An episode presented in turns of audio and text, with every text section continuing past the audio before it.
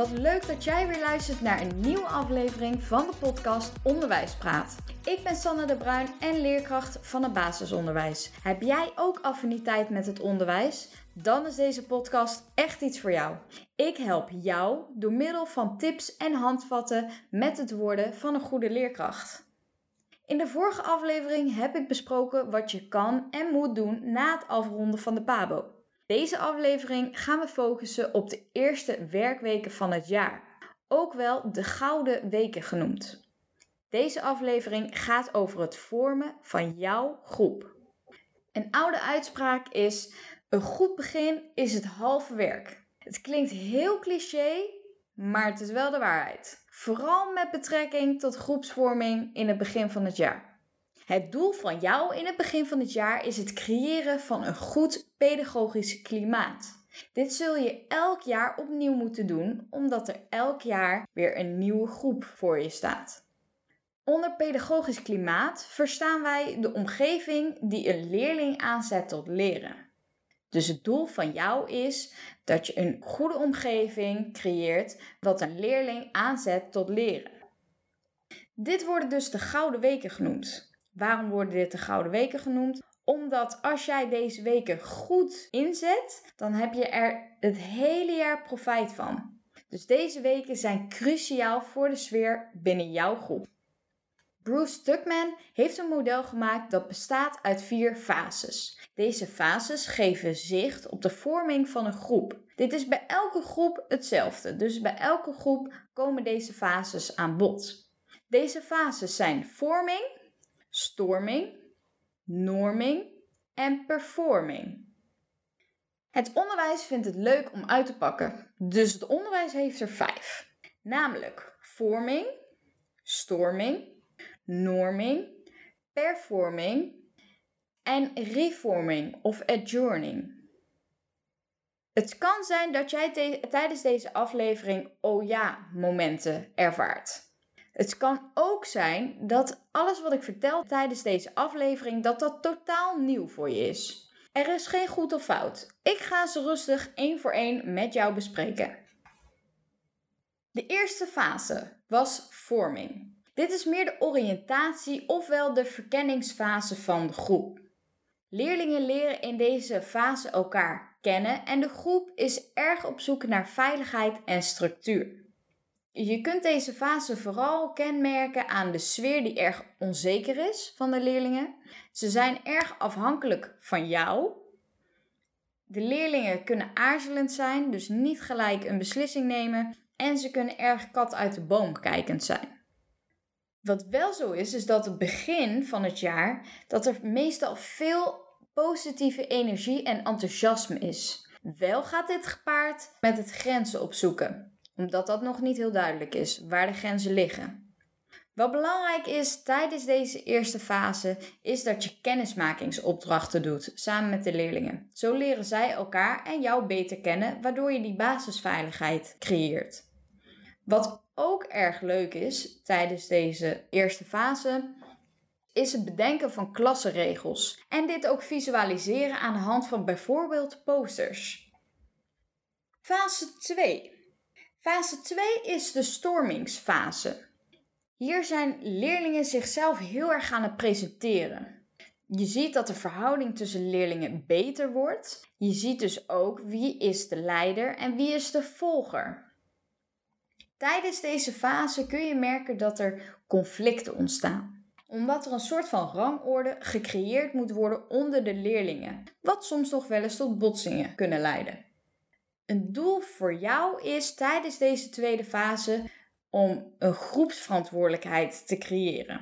En hoe doe je dit nou? Pak veel emotiespelletjes of opdrachten waarbij leerlingen het met elkaar hebben over hun emoties, over hun gevoel. Of pak gezelschapsspelletjes erbij, waardoor leerlingen samen spelen en doorhebben dat het hartstikke leuk is als groep. De derde fase heet de norming, ofwel het normeren. De regels, de waarden en de normen van de groep worden in deze fase bepaald. Iedereen krijgt zo zijn eigen taak in de samenwerking. Vooral de leiders bepalen in deze fase de ongeschreven regels. Wat je ziet tijdens deze fase is dus dat er nieuwe afspraken worden gemaakt, nieuwe regels, nieuwe normen worden gecreëerd, nieuwe waarden worden gecreëerd en er komt duidelijkheid over samenwerkingen. Het doel van jou tijdens deze fase is het creëren van een groepsverantwoordelijkheid. Hoe doe je dit? Pas hier vooral emotiespelletjes toe, waarbij leerlingen praten over emotie en elkaar ook leren begrijpen. Wat ook erg van toepassing is in deze fase zijn samenwerkingsspellen. Dit kun je mooi koppelen aan de coöperatieve werkvormen. Coöperatieve werkvormen zijn samenwerkingsvormen die je goed kunt toepassen tijdens de lessen. In een andere aflevering ga ik jou precies vertellen wat de coöperatieve werkvormen zijn en geef ik er voorbeelden van. De vierde fase is het presteren als groep. Performing heet deze fase. De groep wordt een team en is klaar voor een samenwerking. Er zijn ongeschreven regels waar iedereen zich aan houdt. Hierdoor ontstaat er één team waarbij leerlingen elkaar stimuleren, uitdagen en ook verbeteren. Het doel van jou is tijdens deze vierde fase om de sociale contacten te bevorderen en de groepsidentiteit te versterken. Hoe doe je dit nou? Laat de leerlingen veel complimenten spelen. Ook zijn samenwerkingsopdrachten erg belangrijk. De laatste fase, fase 5, die het onderwijs heeft toegevoegd, is de reforming of adjourning. Tijdens deze fase staat evalueren op nummer 1. Je ziet deze fase vooral aan het einde van een jaar, wanneer leerlingen afscheid moeten nemen van hun groep, van hun leerkracht, van hun klas. Hierdoor ontstaat er een andere groepsdynamiek. Neem bijvoorbeeld in je hoofd het afscheid van groep 8. Wat jij ziet is dat leerlingen de regels ineens niet meer zo heel erg belangrijk vinden. Wat jij kan doen tijdens deze fase is vooral veel evalueren door middel van gesprekken. Wat ook erg leuk is om te doen zijn gezelschapsspellen. Hierdoor worden de leerlingen er weer aan herinnerd hoe leuk zij het hadden als team en als klas. Oké, de fases. Ik noem ze nog even één keer op.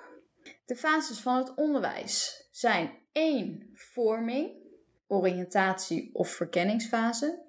2. Storming, het presenteren. 3. Norming, het normeren. 4. Performing, dus het presteren.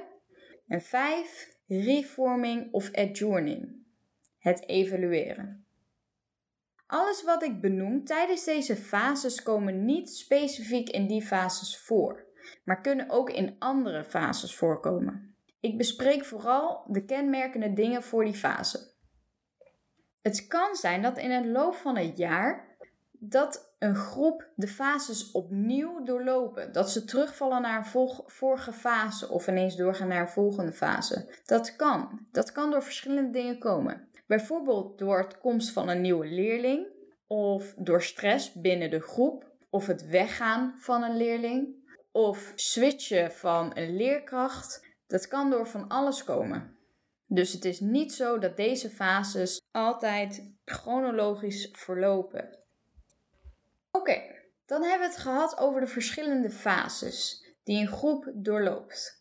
Het is dus belangrijk dat je tijdens deze gouden weken hier heel veel aandacht aan besteedt. Ik heb nog een aantal tips voor jou opgesteld wat je kan doen tijdens deze gouden weken. Tip 1. Geef meer complimenten dan negatieve kritiek. Probeer vooral het positieve gedrag te benoemen. Als een leerling iets goed doet en een leerling iets fout, probeer dan het goede gedrag te benoemen, zodat de andere leerling getriggerd wordt om ook het goede gedrag te laten zien. Dit noemen ze ook wel het sneeuwbaleffect wat dan ontstaat. Dit slaat over op verschillende leerlingen, waardoor alle leerlingen juist het goede gedrag willen laten zien. Tip 2. Gebruik de coöperatieve werkvormen. In een andere aflevering ga ik nog precies vertellen wat, dit, wat deze werkvormen inhouden en wat dit zijn. Dit zijn vooral samenwerkingsopdrachten. Tip 3. Ken je leerlingen. Weet de naam van je leerlingen. Weet de gezinssituatie van de leerlingen. Weet de hobby's van je leerlingen. Weet de talenten van je leerlingen. En al dat soort dingen. Tip 4. Laat de leerlingen jou kennen. Wees toegankelijk, praat regelmatig over jezelf, wat jij meemaakt, wat jij leuk vindt. Laat de leerlingen jou kennen. Tip 5.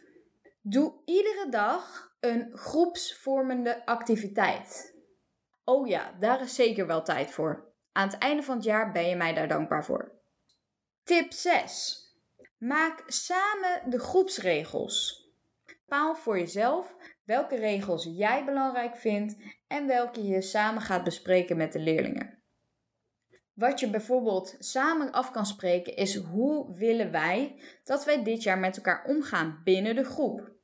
Zo krijgen leerlingen een verantwoordelijkheidsgevoel en streven ze het eerder na. Tip 7. Geef complimenten klassikaal en bestraf één op één. Vooral bij leerlingen die zich niet heel zeker voelen van zichzelf, is dit heel belangrijk. Vaak is nog een extra één op één complimentje ook erg helpend voor het creëren van zelfvertrouwen van de leerling.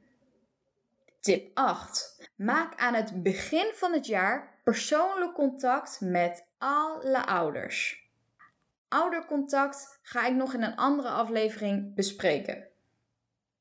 Tip 9. Bespreek regelmatig het doel van de school en klassenregels. Tip 10. Geef je collega een goede overdracht voor de eerste dag van het volgend schooljaar. Oké, dat was het weer voor deze aflevering. Wil jij meer zien of horen van mij en niks missen? Volg mij dan vooral even op mijn Instagram-account genaamd Onderwijspraat. Zo ben jij altijd op de hoogte. Hierop vind je foto's, filmpjes, quotes en aankondigingen van mijn nieuwe afleveringen. Stuur mij vooral een berichtje of reageer in een comment. Vertel wat jij ervan vindt en waar ik jou mee kan helpen.